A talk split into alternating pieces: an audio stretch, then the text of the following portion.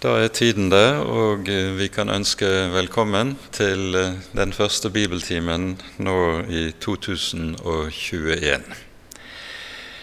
Vi rakk ikke før jul å fullføre gjennomgangen av Kolosserbrevet. og Det betyr at vi i kveld vil ta for oss den siste delen av dette brevet, nemlig det fjerde kapittelet. Det er et kapittel der Paulus samler en del tråder. Han eh, taler om bønnen, og det er en rekke hilsener.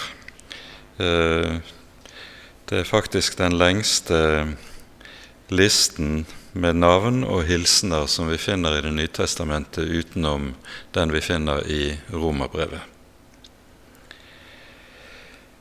Men før vi begynner, la oss be sammen. Hellige Herre Gud, vi kommer frem for ditt ansikt og takker og lover deg for all din nåde og for all din godhet imot oss. Takk, Herre, at også det nye året skal vi få lov til å legge i dine hender. Vi ber deg, Herre, at du vil våke over ditt folk og din menighet også i den tiden som ligger foran. Bevar oss fra det onde, forny oss i troen, og vil du legge til rette at vi på ny kan samles på normalt vis som din menighet og som ditt folk. Så ber vi, Herre, at du vil være hos oss med din Hellige Ånd denne kvelden Gi oss lys i ordet ditt, slik at vi kan ha den hjelpen vi trenger for vandringen med Jesus. Herre, kom. Herre, forbarm deg over oss. Amen.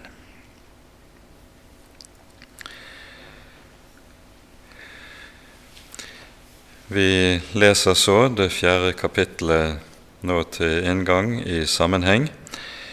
Ehm, det er slik at det foregående kapittelet det avsluttes med det som kalles for hustavler. Den siste av disse handler om tjenernes eh, forhold, eller slavenes forhold, og deres tjeneste.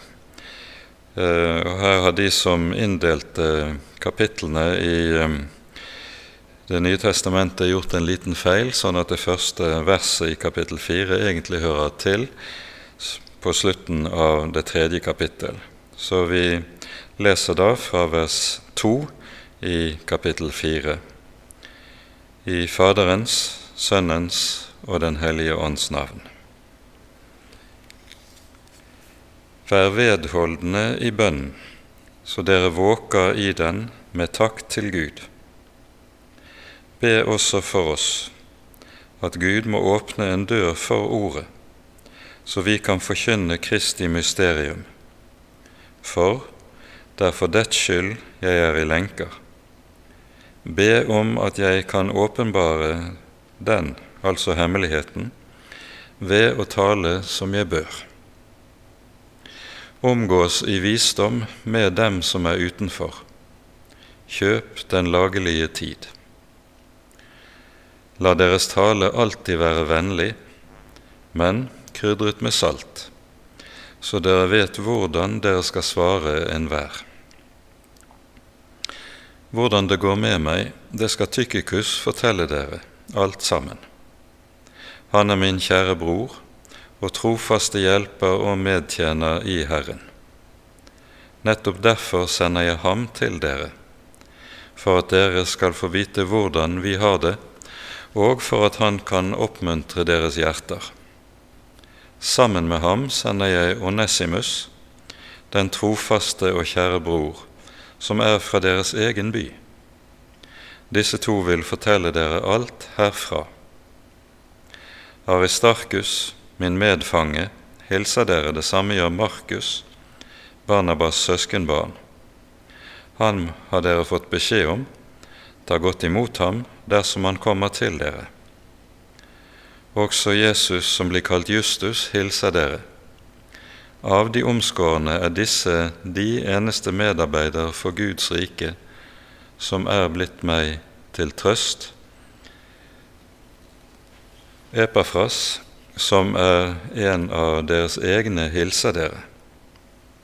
Han er en Kristi Jesu tjener, som alltid strider for dere i sine bønner, for at dere kan stå fullkomne og fullvisse i all Guds vilje. For jeg gir ham det vitnesbyrd at han har mye strev for dere og for dem som er i Laodikea og Hierapolis. Lukas, den kjære legen, hilser dere, likeså Demas. Hils brødrene i Laodikea og Nymfas og menigheten i hans hus. Når dette brevet er blitt opplest hos dere, sørg da for at det også blir opplest i menigheten i Laodikea, og at dere får lese det brevet som dere kan få fra Laodikea. Si til Arkippus, gi akt på den tjenesten du har fått i Herren, så du fullfører den. Hilsen med min egen Paulus hånd. Husk mine lenker. Nåden være med dere. Amen. Dette Kapitlet kan altså deles i to hoveddeler. Først Paulus tale om bønnen, og dernest hører vi de ulike hilsener med en rekke navn. Og dette har en særlig betydning, det som vi hører i disse hilsenene. Vi tar det etter hvert. Men det begynner altså med at Paulus minner menigheten om å være vedholdende i bønnen. Her brukes det et særegent uttrykk som handler om det å holde ut lenge. Formaning til å være vedholdende i bønnen er noe vi møter flere steder i Det nye testamentet. Vi hører det også i Romerbrevets tolvte kapittel. Ehm, men den viktigste teksten her i så måte er vel Jesu lignelse om den urettrådige eller urettferdige dommer som vi hører i Lukasevangeliets 18. kapittel. Her hører vi tale om en fattig enke som uh, ikke har fått sin rett, og så går hun og ber dommeren om å føre saken for seg. Det vil han ikke, nettopp fordi han er en hensynsløs og hardhjertet mann. Men hun gir seg ikke, og til slutt må han gi etter og ta saken hennes. Og så sier Jesus, når da en som er urettferdig, til og med kan gi etter og høre slik bønn, hvor meget vil ikke da Han som er den rettferdige og den nådige Gud, høre våre bønner? vi som Guds folk som roper til ham dag og natt. Jesus eh, bruker her en talefigur som var ganske vanlig blant eh, jødene. Eh, han slutter fra det mindre til det større. Altså når en som er, til og med er urettferdig, kan gjøre det som rett er, hvor meget mer vil ikke da han som er den rettferdige, gjøre det samme? Når vi formanes til vedholdenhet i bønnen, så henger det nettopp sammen med at det kommer tider i et kristent menneskes liv der en mattes i bønnen, der en fristes til å gi opp i bønnen fordi det kommer røster som hvisker inn i øret, Herren hører jo ikke likevel. Hvor er nå din Gud? Dette er en anfektelse som vi møter flere steder i Bibelen, og den settes ord på direkte, f.eks. i Salme 42, der som begynner med ordene som hjorten skriker etter rinnende bekker, slik skriker min sjel etter deg, Gud. Og så kommer bakgrunnen. Fortvilelsen er de mange røster som kommer til salmisten med ordene 'Hvor er din Gud?' Det er jo ingen som hører dine bønner. Hvor er nå Gud? Og det er i møte med denne anfektelse og denne fortvilelse som vi minnes om ordene 'vær vedholdende i bønnen'. Gi ikke opp om det ser aldri så mørkt ut. For utholdenhet i bønn hører sammen med noe som er sentralt i troens liv. Nemlig til troen hører det å bie på Herren, å vente på Herren.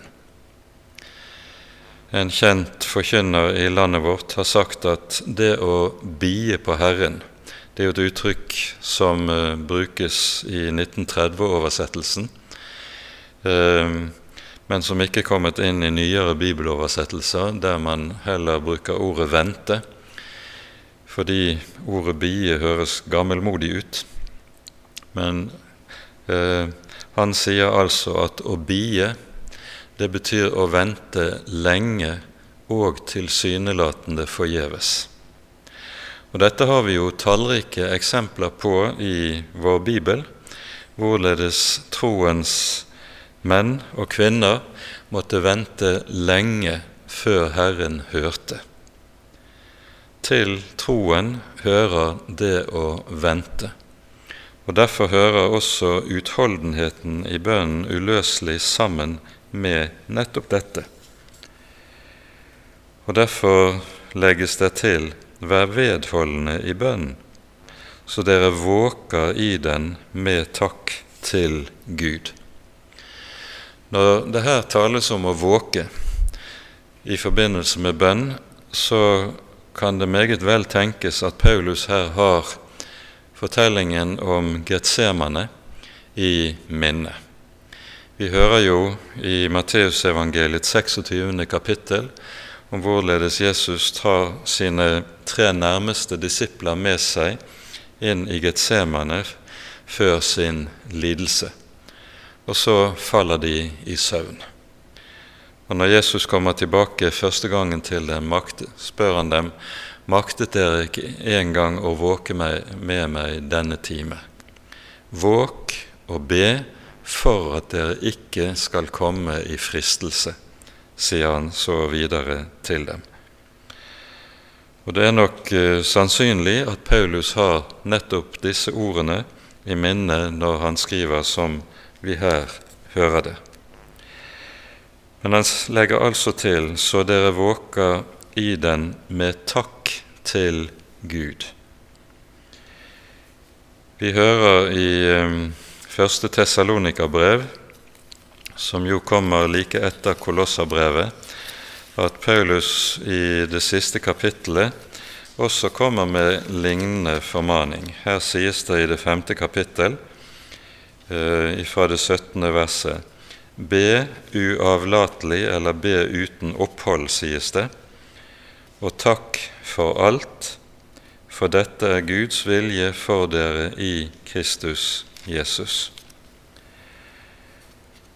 Det som er viktig å være oppmerksom på i sammenheng med dette, det er at takken, eller takknemligheten, er en uatskillelig del ved bønnen og ved det kristne livet. En kristen har uendelig mye å takke for. Gud har gitt sin egen sønn i vårt sted. Han sparte ham ikke. Og i forlengelsen av at han ble gitt for vår skyld og for vår synd, har han også lovet at han vil gjøre sin nåde ny hver morgen. I dette ligger Guds trofasthet, at han stadig gjør sin nåde ny imot oss. Han slutter ikke, han holder ikke opp, han blir ikke trett.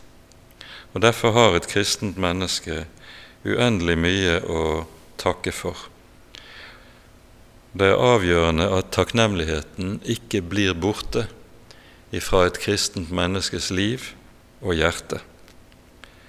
Og Paulus minner altså om dette i denne sammenheng. Nå er det sånn at i Det nye testamentet så finner vi en rekke ulike begreper for bønn, og som anvendes om bønn.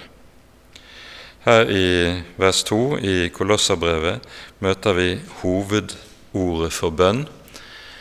Det greske ordet her er det som anvendes om bønn mer i allmennhet. Går vi til det kjente ordet i Filippabrevets fjerde kapittel, der Paulus sier:" Vær ikke bekymret for noe, men la i alle ting deres begjæringer komme frem for Gud i påkallelse og bønn med takksigelse, så hører vi her fire ulike begreper som anvendes om bønnen. Når Jesus taler f.eks. om at vi skal få lov til å be i Jesu navn, slik vi hører det i Johannesevangeliet, og som vi også hører det i bergprekenen når Jesus sier 'be, og dere skal få', så bruker han ikke det allmenne ordet for bønn, men han bruker et ord som bokstavelig betyr å tigge. Tiggeren, det er den som ingenting har. Tiggeren er den som mangler selv det mest grunnleggende for å kunne opprettholde livet. Og Så er det Jesus altså anvender dette ordet eh, om bønn i denne sammenhengen. Og det er det ordet som også anvendes når vi hører i eh, Filippabrevet 4 når Paulus skriver 'la deres begjæringer', så er det det ordet som har med å tigge å gjøre, som ligger til grunn. La deres begjæringer komme frem for Gud i påkallelse.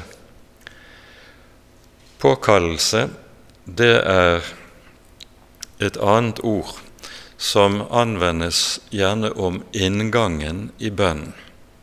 F.eks. er det slik at når vi ber Fader vår og sier 'Fader vår, du som er i himmelen', så er disse ordene inngangen til bønnen.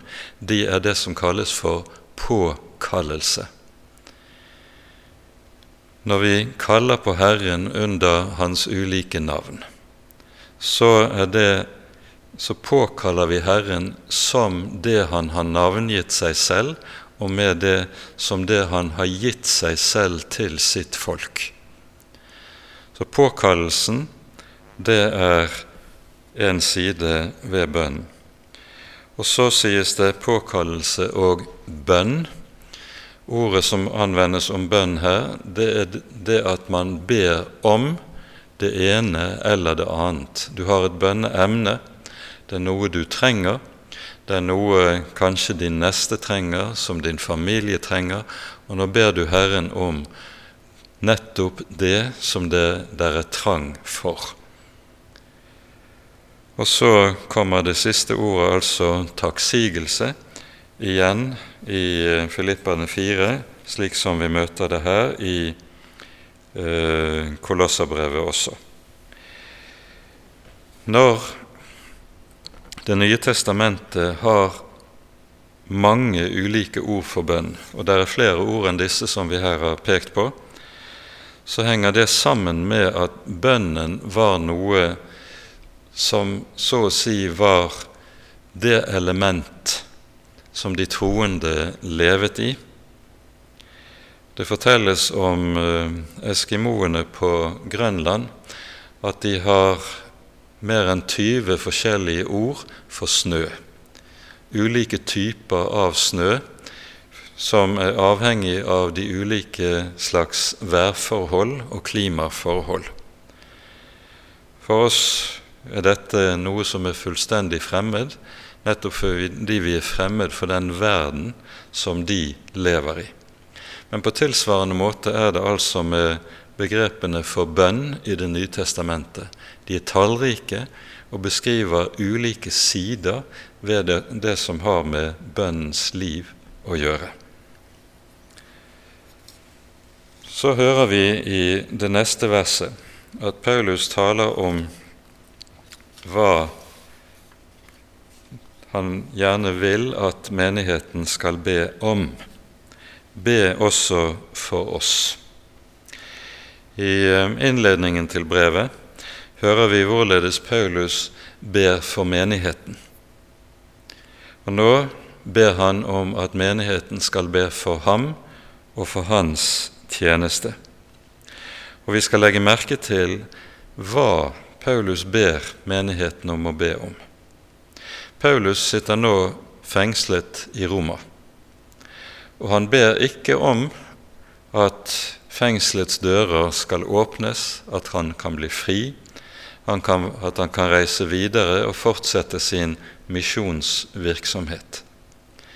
Han ber ikke for sin egen del, men han ber om at ordet Guds ord skal en, finne en åpnet dør.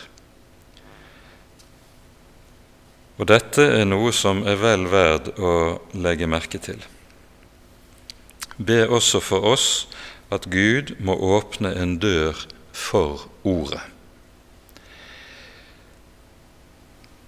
Paulus taler i det første kapitlet i Filippabrevet om sitt fangenskap. Og her eh, skriver han til filipperne at de behøver ikke å være engstelige og urolige for eh, evangeliets del, selv om han sitter fanget. For Gud har nettopp åpnet opp en dør, slik at ordet blir hørt til og med i livvakten, keiserens livvakt, som holder vakt over han, og på den måten så har evangeliet funnet vei til og med når han sitter i fangenskap. I 2. Timotius brev, når Paulus sitter i sin andre fangenskapsperiode, så skriver han at han selv er nok bundet i lenker, men, sies det i det andre kapittelet, Guds ord er ikke bundet. Det er vel verd å merke seg hvorledes Paulus tenker i denne sammenheng. Paulus er med andre ord ikke nedfor og deprimert for at nå eh, innebærer hans fengsling at nå stanser evangeliets utbredelse. Nei, han vet at evangeliet finner sin vei. Det er noe Herren sørger for. Det Paulus ber om, det er at Gud skal gi en åpnet dør for Ordet. Og Dette er noe som er viktig å merke seg, for det er bare Gud selv som kan lukke opp døren for sitt ord blant mennesker, enten det nå gjelder i et menneskelig fellesskap, eller det gjelder hos det enkelte mennesket. Dette ser ut til å være noe som veldig ofte glemmes i våre dager. Man tenker som så at ved hjelp av ulike virkemidler så vil man åpne vei for Guds ord. Man tyr til pedagogiske virkemidler, man bruker musikk, man bruker ulike typer populariseringer av kristentroen eller av Bibelen og tenker at dette skal åpne opp for Ordet. Det er rent menneskelige tiltak, og det er menneskeverk som realiteten gagner lite. Det er Gud selv som ved sin ånd må lukke opp for Ordet. Og På denne måten så er evangeliets forkynnere og evangeliets forkynnelse avhengig av Herrens hånd og Herrens ånd. Og denne avhengigheten er noe vi aldri kan klare oss uten. Og Denne forbønnen som Paulus nå ber om, det er altså at i, i bevissthet nettopp opp denne avhengigheten at han trenger at Herren selv stadig virker med og ved sin ånd lukker opp dørene. For han er selv ikke i stand til å gjøre det, verken på det ene eller på det andre området. så sier han videre så vi kan forkynne Kristi mysterium, Kristi hemmelighet. Ordet mysterium, som altså i eldre oversettelser var oversatt med hemmelighet, det er et ord som har dukket opp flere ganger tidligere i Kolosserbrevet. Og I Paulus' forkynnelse er dette et uhyre viktig begrep. Det at evangeliet er et mysterium, det henger sammen med at dette er noe som, slik Paulus skriver i det andre kapittelet i første Korinterbrev, evangeliet er noe som ikke er oppkommet i noe menneskes hjerte. Det er noe som er gitt ovenfra av Gud og ved Guds hellige ånd. Og Derfor er det også slik at en sann evangelieforkynnelse den kan bare skje i kraft av at Den hellige ånd er virksomt til stede.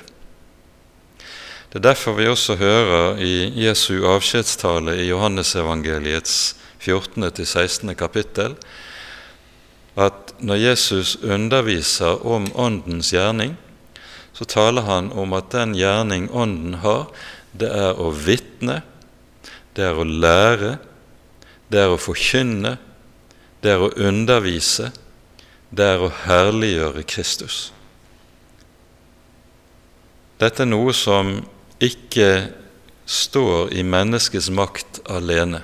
Jesus sier til disiplene etter at han har sagt når han kommer, talsmannen, sannhetens ånd, han skal vitne om meg. Og så legger han til og sier til disiplene også dere skal vitne.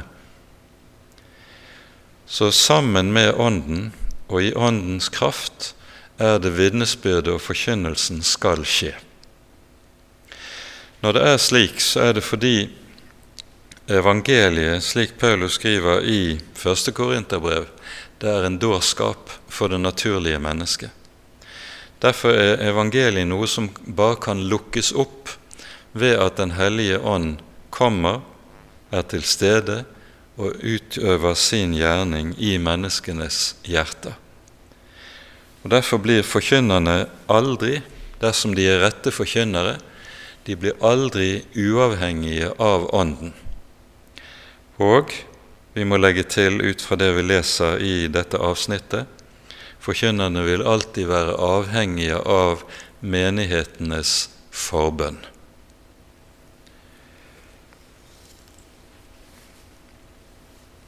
Paulus føyer til, for å gjøre dette tydelig, be om at jeg kan åpenbare denne hemmelighet ved å tale slik jeg bør tale. Og Her bruker altså Paulus begrepet 'åpenbare'. Og Det er noe som altså ene og alene står i Åndens makt. Når Paulus i 1. Korinterbrevs første kapitler taler om sin forkynnende gjerning som apostel, så skriver han om forskjellen på denne verdens ånd og på Guds ånd. På denne verdens visdom og på Guds visdom. Og så skriver han i kapittel 2 i 1. Korinterbrev slik ifra vers 12.: Vi har ikke fått verdens ånd, men den ånd som er fra Gud, for at vi skal kjenne det som Gud i sin nåde har gitt oss. Merk, dette er noe vi ikke kan kjenne, ikke kan forstå, ikke kan gripe uten Den hellige ånd. Og så fortsetter han og sier, dette forkynner vi, ikke med ord som menneskelig visdom har lært oss, men med ord vi har lært av Ånden, vi tolker åndelige ting med åndelige ord. Slik er det Den hellige ånd som er den egentlige predikant, der evangeliet lyder sant og rett. Da skjer det som Paulus taler om her. Gud åpenbarer sin hemmelighet. Evangeliet er nemlig noe som ikke kan forklares. Det kan bare åpenbares. et menneske som ser på evangeliet som dårskap, slik som vi hører i Korinterbrevets første kapittel. For ham hjelper ikke alle hånde forklaringer. Det må noe helt annet til at Den hellige ånd griper tak i et menneskes hjerte og begynner å gjøre sin gjerning. Så i disse tre første versene er det altså Paulus taler om den avhengighet han står i når det gjelder Åndens gjerning i forkynnelsen. Og han sier, 'Be om at jeg kan åpenbare dette ved å tale slik som jeg bør'. Slik som det er nødvendig, står det egentlig i grunnteksten. Så fortsetter Paulus med å tale om ikke om sin egen forkynnelse og sitt eget vitnesbyrd, men i vers 5 og vers 6 så taler han om det vitnesbyrd som de troende i menigheten skal avlegge i sin, sine omgivelser. Omgås i visdom med dem som er utenfor, kjøp den lagelige tid, sier han. Bokstavelig står det 'vandre i visdom' overfor dem som er utenfor.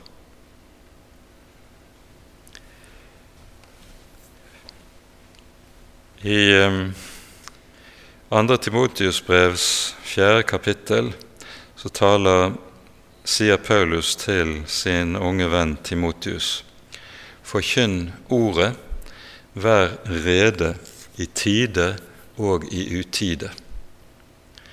Dette ordet gjengis av og til slik som om Paulus skrev 'forkynn ordet i tide og i utide'. Det skriver altså Paulus ikke.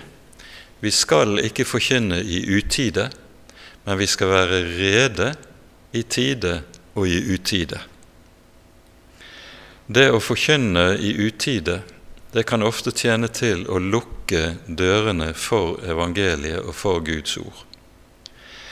Og det å vandre i visdom, det betyr at en kristen må vite både når han skal tale, og når han skal tie. Begge deler. Det er ikke alltid at det å tale er det kloke og det rette. Den visdom det her er tale om, det er en visdom som uh, der settes ord på i en rekke sammenhenger i ordspråksboken. Der møter vi den praktiske visdom som kjennetegner det bibelske visdomsbegrepet. Det greske visdomsbegrepet er jo sterkt teoretisk og til dels spekulativt eh, innrettet. Det spekuleres om eh, både det ene og det andre i den greske filosofi. Dette er noe som ligger meget langt fra visdommen slik vi finner den i Den hellige skrift. Den kristelige visdom, det er den en øves inn i gjennom å bli fortrolig bl.a. med ordspråksboken. Så det er sagt som en anbefaling i denne sammenheng. Omgås i visdom. Det betyr for det første at en kristen skal alltid være naturlig og menneskelig. Den rette visdom opptrer aldri kunstig, tilgjort eller med en tillaget fromhet. Nei, en kristen opptrer naturlig og menneskelig.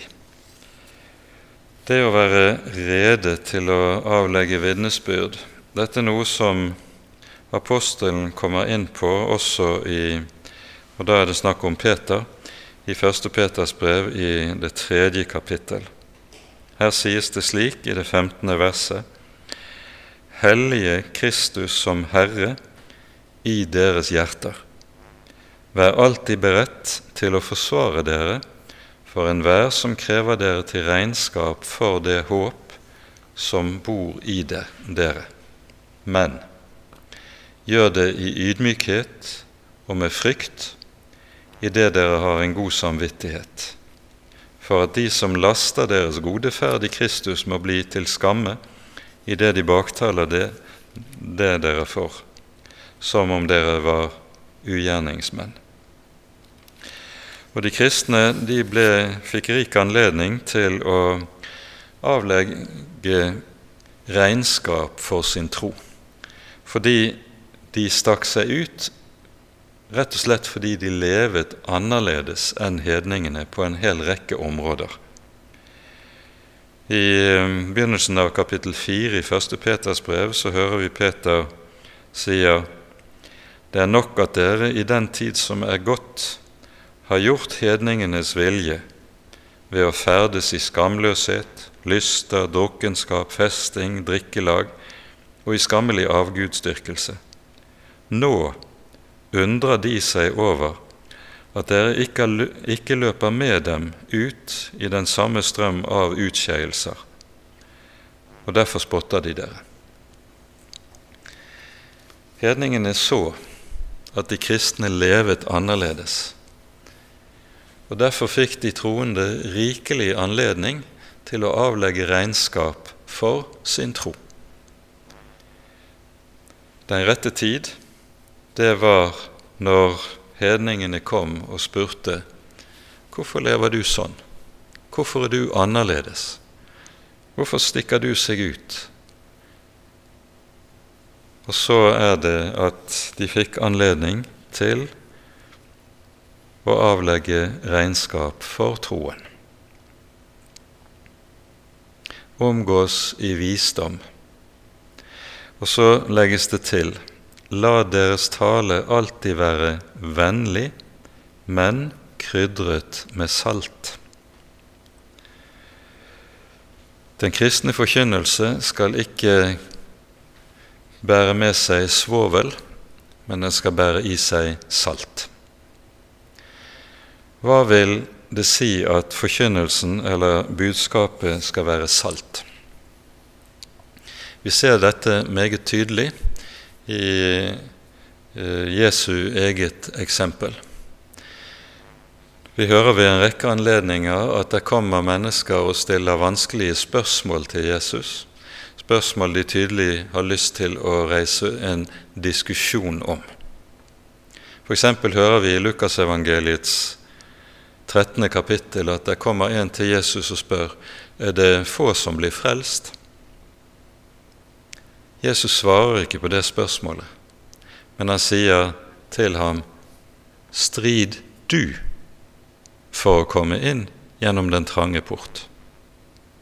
Altså fra å håndtere spørsmålet som et rent teoretisk spørsmål som man kan diskutere fordi det er et interessant spørsmål, så vender han brodden inn mot hjertet til han som spør. Hva med deg? Er du omvendt? Er himmelen åpen for deg? Vil du bli frelst? Og så sier han til han, strid du for å komme inn gjennom den trange port. Det samme hører vi tidligere i Lukasevangeliet, der noen kommer til Jesus og forteller om eh, en ulykke som har skjedd, et tårn som er reist, falt sammen, og mange som ble ble drept. Og så sier, svarer Jesus på dette og sier, tenker dere at de som ble rammet av denne ulykken, var større syndere enn andre, siden de døde på en så ulykkelig måte? Nei, sier jeg dere, svarer Jesus. Men dersom dere ikke omvender dere, da skal dere på, omkomme på samme måte. Altså Jesus vender det så det får personlig anvendelse inn mot den enkeltes hjerte. Det er saltet. Da blir talen salt. Og Dette er jo noe kristen erfaring også lærer oss, at det er ytterst, ytterst sjelden at noen blir overbevist om den kristne tro gjennom at man diskuterer et eller annet teoretisk spørsmål. Når mennesker omvendes, så skjer det ved at Guds ord rammer dem i hjertet. Og Derfor er det vi ser Jesus gjøre nettopp dette. Han vender spørsmålene alltid inn mot hjertet til de som kommer til ham. Og dette er en tale som er krydret med salt. Og så skal vitnesbyrdet altså kombinere to ting som tilsynelatende er motsetninger. La deres tale alltid være vennlig, er det oversatt her. Ordet som er oversatt med 'vennlig', det har flere forskjellige betydninger. For det første kan ordet bety at talen skal være vakker. I dette ligger jo det at kristne skal unngå alle former for usømmelig tale, frekk ta snakk og lignende ting. Men det er neppe det som ligger i det. Grunntekstens ord er et begrep som egentlig kommer av det greske ordet for nåde. Altså la deres tale alltid være fylt av nåde. Og Dermed så får du et paradoks liggende i dette. Talen skal bære med seg nåde til mennesker, men samtidig salt. Og så vi, minnes vi gjennom dette om ordene i eh, Salme 85, der det står nåden og sannheten skal møte hverandre. Sannheten om meg er ikke behagelig. Når loven kommer og avslører sannheten om meg, da er det både salt og det kan smake uhyre bittert. Men så kommer, når Herren kommer, så er det disse to ting som skal møte hverandre. Nåden møter sannheten om meg. Og så blir frelse resultatet av dette. Og det er noe av det som ligger i det Paulus her taler om. La deres tale alltid være fylt av nåde, men krydret med salt. En kristen skal ikke snakke folk etter munnen. Da blir talen uten salt. Altfor ofte er kristent snakk uten salt. Det kan dessverre også komme til å gjelde en del forkynnelse. Da blir forkynnelsen ufarlig, og det kristne vitnesbyrd blir ufarlig. Dette skjer der hvor mennesker mister bevisstheten om og forståelsen av hvem den Gud vi har med å gjøre, er. At Han er den hellige. Jeg tror alle sammen har hørt forkynnelse som nærmest er totalt intetsigende. Den kjente engel, store engelske forkynneren Spurgeon en, har en eh, bok han har skrevet der han eh, skal veilede studentene i bl.a. i tjenesten med evangeliet. Og gjengir her en anekdote. Det er to menn som treffer hverandre på toget. Begge er troende menn, men kommer fra hver sin kant av landet og kommer til å tale sammen om eh, sine respektive prester i lokal, de lokale menighetene. Ja, hva tror din prest på da? spurte den ene, som kunne fortelle at han, hans prest var en prest som trodde på Bibelen og vitnet godt og sant til oppbyggelse og frelse for menigheten. Og Så spør han sin samtalepartner, men din prest, da, hva tror han på? Og får til svar følgende vår prest tror på flosklenes selvstendige verdi. Det er et forferdelig eh, dom over en forkynnelse, men av og til kan du sitte med følelsen av at det er nettopp den slags du møter når du sitter under en talerstol. Da har forkynnelsen mistet sin kraft, sitt salt. For forkynnelsens kraft ligger nettopp i saltet. Paulus går så over til å avslutte brevet som han gjør med hilsener. Ehm, det avsnittet med hilsenene kan inndeles i tre hoveddeler. Først fra vers 7 til og med vers 9, der han taler om de som han sender til Kolosset. Ehm, de skal nemlig reise til Kolosset med brevet som Paulus har skrevet. Og eh, Paulus sender med tre brev. Ett brev går til Kolosset, ett går til Laodikia, og det tredje brevet går til Filemon. Ehm, det kommer vi tilbake til. Dernest kommer hilsener fra vers 10 til ehm, vers 14 fra de ulike personer som er sammen med Paulus i Roma. Og så til slutt hører vi fra vers 15, eh, slutten i brevet, der eh, Paulus nevner at når Kolossabrevet er med, lest i menigheten i Kolosse Det skal altså leses for hele menigheten, noe som skjer når menigheten er samlet som menighetsfellesskap til gudstjeneste. Så skal brevet sendes videre til Laudikea for at laudikeerne kan høre det. Og så skal brevet som er rettet til Laudikea, komme tilbake til Kolosset og leses høyt i menigheten der. Og Dette er noe som er uhyre betydningsfullt, for i den kristne menighets gudstjeneste var det nøyaktig på samme måte som i synagogen, nemlig at i gudstjenesten skal det kun leses det som er hellig skrift. Slikt, sånt som ikke er hellig skrift, skal ikke leses i den kristne menighets gudstjeneste. Og Dette innebærer at når Paulus brev leses på denne måten når menigheten er samlet til gudstjeneste, så betyr det at Paulus brever fra begynnelsen var hellig skrift. Det er ikke slik som man har lett for å tenke seg, at Paulus brever etter hvert ble omfattet av en sånn respekt at menighetene gradvis begynte å tillegge dem så stor betydning at de ble hellig skrift etter hvert.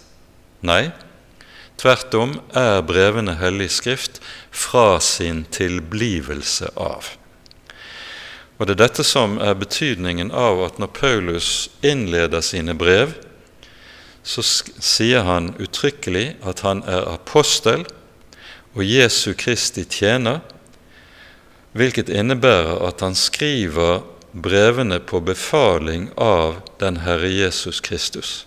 Dette er ikke noe som Paulus har funnet på selv og tenkt ut i sitt eget hode, men det er noe som kommer fra Jesus Kristus selv, og i kraft av dette er det Hellig Skrift.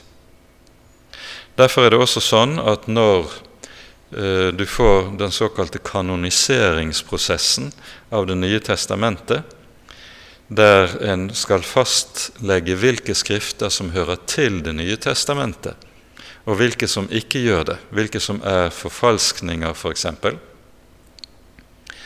så arbeidet kirkefedrene rent historisk. De seg, stilte seg tre spørsmål. For det første har dette skriftet fra begynnelsen av vært lest i menighetens gudstjeneste. Det var et rent historisk spørsmål, og dette kunne man vite svaret på veldig klart. De skriftene vi har i Det nye testamentet, faller i den kategorien. Dernest stilte man det andre historiske spørsmål er Skriftet skrevet av en apostel eller av en aposteldisippel? Dette var også noe man visste svar på ut fra rent historiske kriterier den gang. Så var det et par skrifter som det var usikkerhet om. Det gjaldt bl.a. Hebreabrevet og eh, også Judas brev. Og Da kom man med et tilleggskriterium. Man spurte seg samsvarer disse skriftene, som man er litt usikker på av historiske grunner, samsvarer de læremessig med de skriftene som er sikre. Og kunne man svare bekreftende på det, da ble de lukket inn i kanon. Slik er det altså Oldkirken fastsetter hvilke skrifter som skal høre til Det nye testamentet og regnes som hellig skrift. Og Dette var en prosess som var helt nødvendig, fordi det var en mengde falske evangelieskrifter og falske apostelskrifter i omløp. Eksempelvis skriver Paulus i 2. Tessalonikabrev i det andre kapittel at det er kommet brever til menigheten i Tessalonika som gir seg ut for å være fra Paulus, men det er ikke han som har skrevet dem.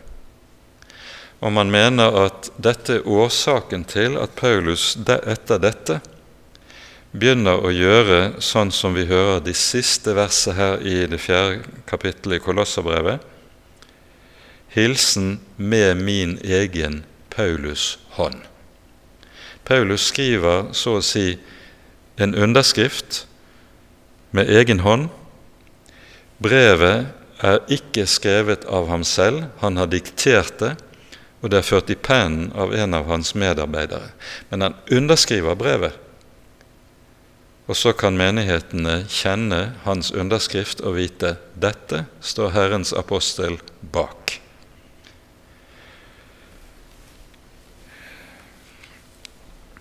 Vi går ikke videre inn på dette, men akkurat dette er noe som er viktig å være oppmerksom på i denne sammenheng.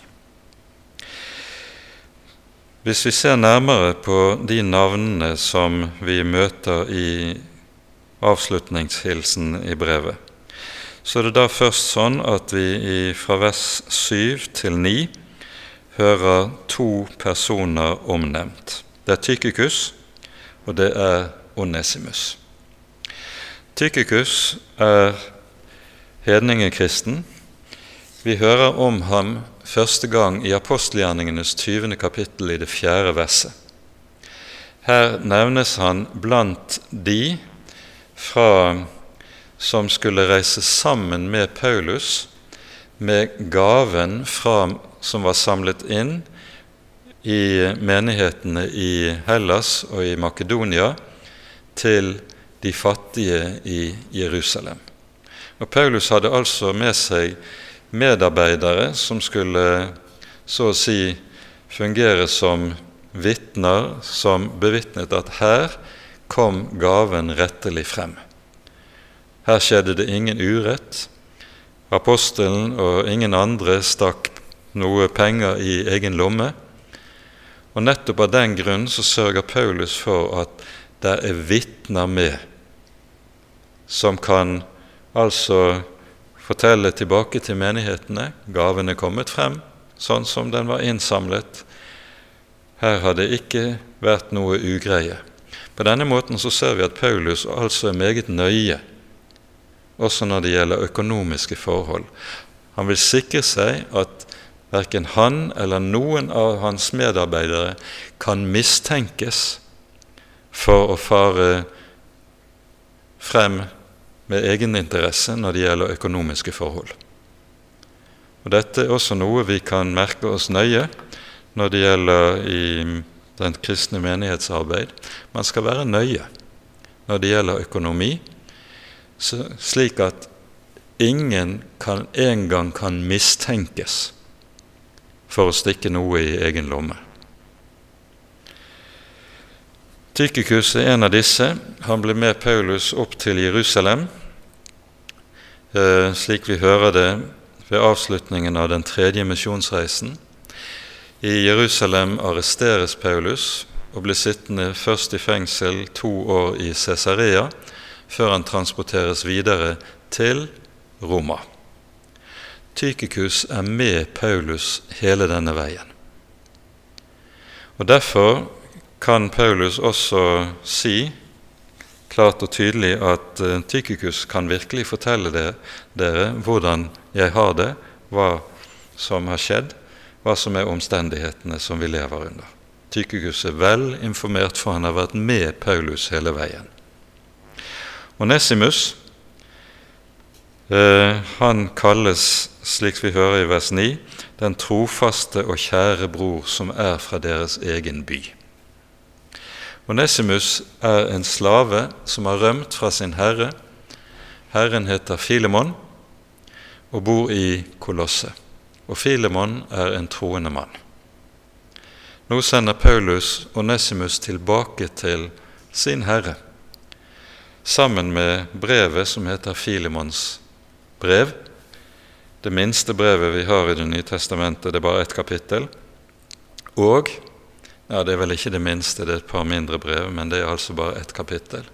Men leser du dette brevet, så vil du se rørende, for her hører du Der kommer du Paulus' hjertelag inn på livet.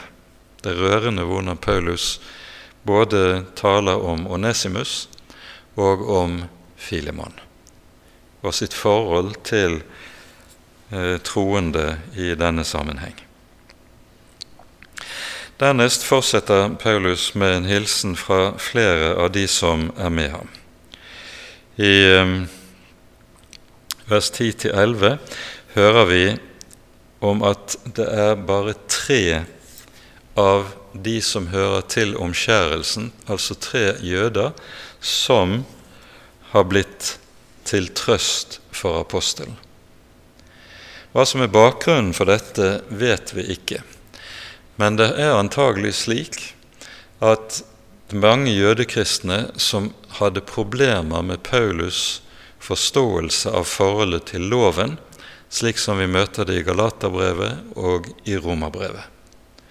Og så er det mange som dermed forlater Paulus, som vender ham ryggen. Men her hører vi det tre som er blitt tilbake. Disse er navngitt.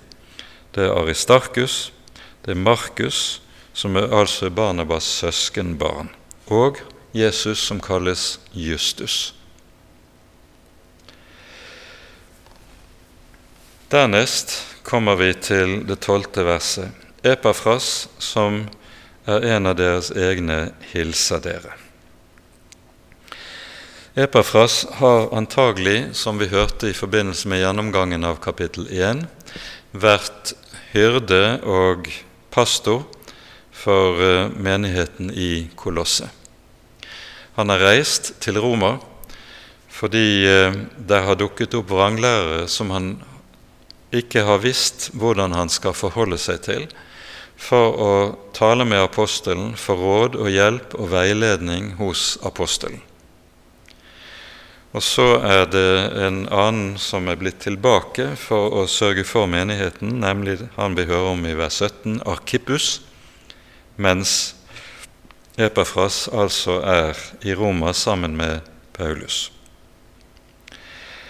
Paul, Epafras, sier Paulus, han er en Kristi Jesu tjener, som alltid strider for dere i sine bønner. Det er tydelig at her er det tale om en bønnekamp som denne Herrens tjener står oppe i for menigheten. Og vi hører at han har hatt mye strev både for menigheten i Kolosse, i Laodikea og Hierapolis. Ingen av disse tre menighetene har Paulus vært legemlig. Disse tre menighetene er antagelig blitt til som en frukt av Paulus' virke i Efesos. Her har antagelig Epafras hørt evangeliet, kommet til tro, og når han har reist hjem til Kolosset, er hans vitnesbyrd blitt opphavet til menigheten både i Kolosset, Hierapolis og Laodikea. For disse er tre byer som lå meget nær hverandre, et godt stykke opp i dalen, en uh, rundt 50-60 km opp i dalen ovenfor Efesus, inn i innlandet i det som er dagens Tyrkia. Han har hatt mye strev han har altså kjempet meget for menighetene. Og Det som antagelig har ligget Epafas på hjertet, det er bekymring og engstelse for at menighetene skal komme bort fra evangeliet, bort fra Jesus, på grunn av de vranglærerne som har gjort seg gjeldende i menigheten. Dette har vært en sorg for ham, en bekymring for ham, og har gjort at Epafras altså stadig har kjempet i bønn for menigheten. Så hører vi til sist også i vers 14 to navn til som nevnes. For det første Lukas, den kjære lege. Han har også vært sammen med Paulus. Eh, I apostelgjerningene har vi eh, de såkalte vi-stykkene i apostlenes gjerninger. Det er jo Lukas som har skrevet både Lukas' evangeliet og apostlenes gjerninger. Og fra kapittel 20-21 av og utover så hører vi at når um, Lukas skriver, her skriver om Paulus' reiser og virke, så skriver han stadig 'vi'. Så det er tydelig at Lukas der har vært sammen med Paulus. Og Lukas kom altså til å være, også, akkurat som uh, Tykikus, å følge Paulus opp til Jerusalem, følge ham videre inn i fangenskapet og være med ham, også til Rom. Og nå hilser han. Dermas får vi ikke høre noe om her. Han nevnes også i Filemons brev, i slutten av brevet, men i slutten av 2. Timotius brev lyder det et lakonisk, trist ord. Paulus skriver 'Demas forlot meg, for han fikk den nåværende verden kjær'. Mer vet vi ikke om Demas, men det er tydelig at han altså har vendt troen og vendt Herren ryggen han fikk den nåværende verden kjær. Det er tydelig Paulus skriver dette med stor, stor sorg. Så kommer altså de avsluttende hilsenene til brødrene i Laudikelia. Hils Nymfas og menigheten i hans hus. Her er det usikkerhet hvem Nymfas er. Antagelig er Nymfas den som har vært vertskap for menigheten i Laodikea. De første kristne hadde jo ikke egne kirker. Det var husmenigheter. Det er først senere, når kirken vokser seg større, ikke minst når det er slutt på forfølgelsene, at det blir anledning til å reise kirkebygg som kan bli stående. De eldste kristne menighetene de samlet seg i hjemmene, og naturlig nok ville da, da være i hjem hos mennesker som var mer velstående og dermed hadde større hus og hadde rom for å huse en del mennesker. Hvem Nymfas er, vet vi ikke. En del av håndskriftene gjengir det som et kvinnenavn, at, og i eldre, den eldre bibeloversettelsen står det 'Hils menigheten i hennes hus'. Det var muligens en kvinne som eide dette huset, men vi vet det ikke med sikkerhet. Og Så hører vi altså til slutt hvorledes Paulus gir beskjed om hvorledes eh, brevene skal leses opp i menighetene, og komme med en avsluttende formaning til Akippus, som har overtatt etter Epafras. Arkippus kom til å, antagelig til å bli stående i denne tjenesten. For i um, slutten av uh, Filimonsbrevet så sies det om Epafras, som hadde reist til Roma, at nå er han Paulus medfange. Det er tydelig at under oppholdet i Roma er han også blitt arrestert. Kanskje er dette under nettopp forfølgelsene som Nero starta etter brannen i Roma. Eh, dette vet vi ingenting om, men han er også blitt arrestert og sitter fengslet sammen med Paulus. Og Dermed så er det altså Akippus som blir sittende med ansvar for menigheten. Gi akt på den tjenesten du har fått i Herren, så du fullfører den. Når dette sies, så er det fordi det å gjøre tjeneste som hyrde i en menighet kan ofte være et tungt og vanskelig arbeid, et arbeid som har med seg mye bekymring og mye åndelig kamp. Og så kan det være fristende å gi opp, ikke minst fordi en sånn tjeneste ofte kan være ganske ensom. Paulus oppmuntrer ham gi akt på tjenesten du har fått, for du har fått den i Herren. Det er altså ikke noe Arkippus har tiltatt seg selv, men det er noe som er ham gitt. Han er kalt av Herren. Og denne kallsbevisstheten er overmåte viktig å fastholde, for er du kalt av Herren og ikke blott og bart av mennesker, da gir det også frimodighet og fast grunn under føttene i den tjenesten en er satt i, selv om den kan være ganske vanskelig. I parentes bør det også bemerkes når det gjelder Onesimus, som nå altså kommer tilbake til Kolosset og eh, blir en del av menigheten i Kolosset, så forteller kirkefaderen Ignatius, som skriver ikke så veldig mange tiår etter at Det nye testamentet avsluttet, så forteller han at Onesimus eh, ble biskop i Efesos og avslutter sitt liv og sin tjeneste som biskop i denne menigheten. Det er altså en rømt slave som ender opp som en av de første biskopene, tilsynsmennene, i den store og viktige menigheten som er i Efesos. Slik avsluttes Kolossabrevet. Vi vet ikke hvorledes det videre går med Paulus' fangenskap. Men det som er den alminnelige oppfatning, er at Paulus eh, settes fri etter det første fangenskapsoppholdet og får antagelig muligheten til å reise til Spania. Dette vet vi lite om. Og så fengsles han annen gang.